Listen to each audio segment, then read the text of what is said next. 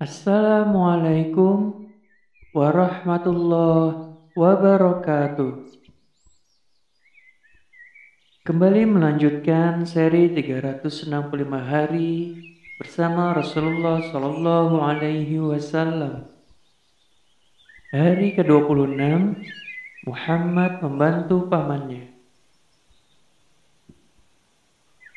Waktu berjalan dengan cepat.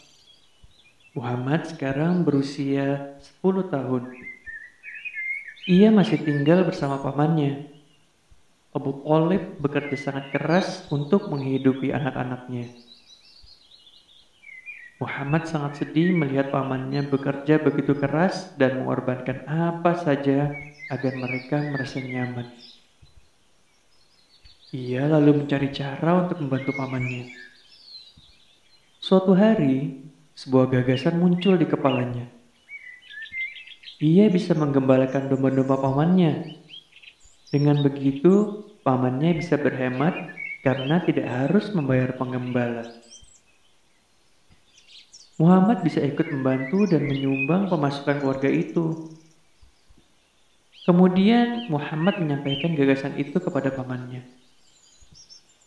Awalnya Abu Talib menolak, tapi Muhammad berusaha keras meyakinkannya dan akhirnya berhasil. Tapi kemudian bibitnya menentangnya. Bagaimana bisa anak yang mereka harus rawat dengan hati-hati pergi dan mengurus hewan-hewan? Bibinya tidak akan senang melihatnya seharian di bawah terik matahari gurun. Namun Muhammad sangat ingin melakukan hal itu.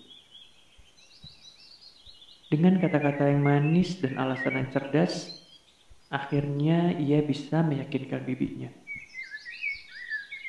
Mulai saat itu, Muhammad akan mengurus domba-domba mereka. Bekerja bukanlah sesuatu yang memalukan, tidak seperti bermalas-malasan dan tidak melakukan apa-apa. Muhammad tidak suka berpangku tangan. Ia suka bekerja. Sekarang ia pun bangun pagi-pagi sekali dan membawa domba-domba itu ke desa. Di sana ia mengembalakan domba-domba itu seharian. Saat hewan-hewan itu merumput, Muhammad merenung. Ia sangat mengagumi sang pencipta yang sudah menghiasi langit yang dihiasi awan-awan dan matahari. Allah yang Maha Esa sudah menghiasi wajah bumi dengan ribuan bunga berwarna-warni. Muhammad kemudian mengamati gunung, batu, dan tanaman yang sudah Allah ciptakan. Ia berusaha memahami kebesaran Allah.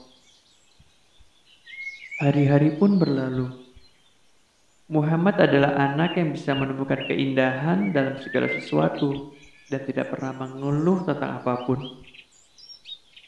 Ia selalu memberikan kasih sayang dan ia juga mendapatkan kasih sayang. Kasih sayang Muhammad memenuhi hati setiap orang. Begitulah kisah Muhammad di usia 10 tahun yang sudah membantu pamannya dengan cara mengembalakan domba. Di saat itulah Muhammad merenung tentang kebesaran Allah. Bagaimanakah kisah selanjutnya? Insya Allah kita akan lanjutkan di next episode. Sampai jumpa lagi. Wassalamualaikum warahmatullahi wabarakatuh.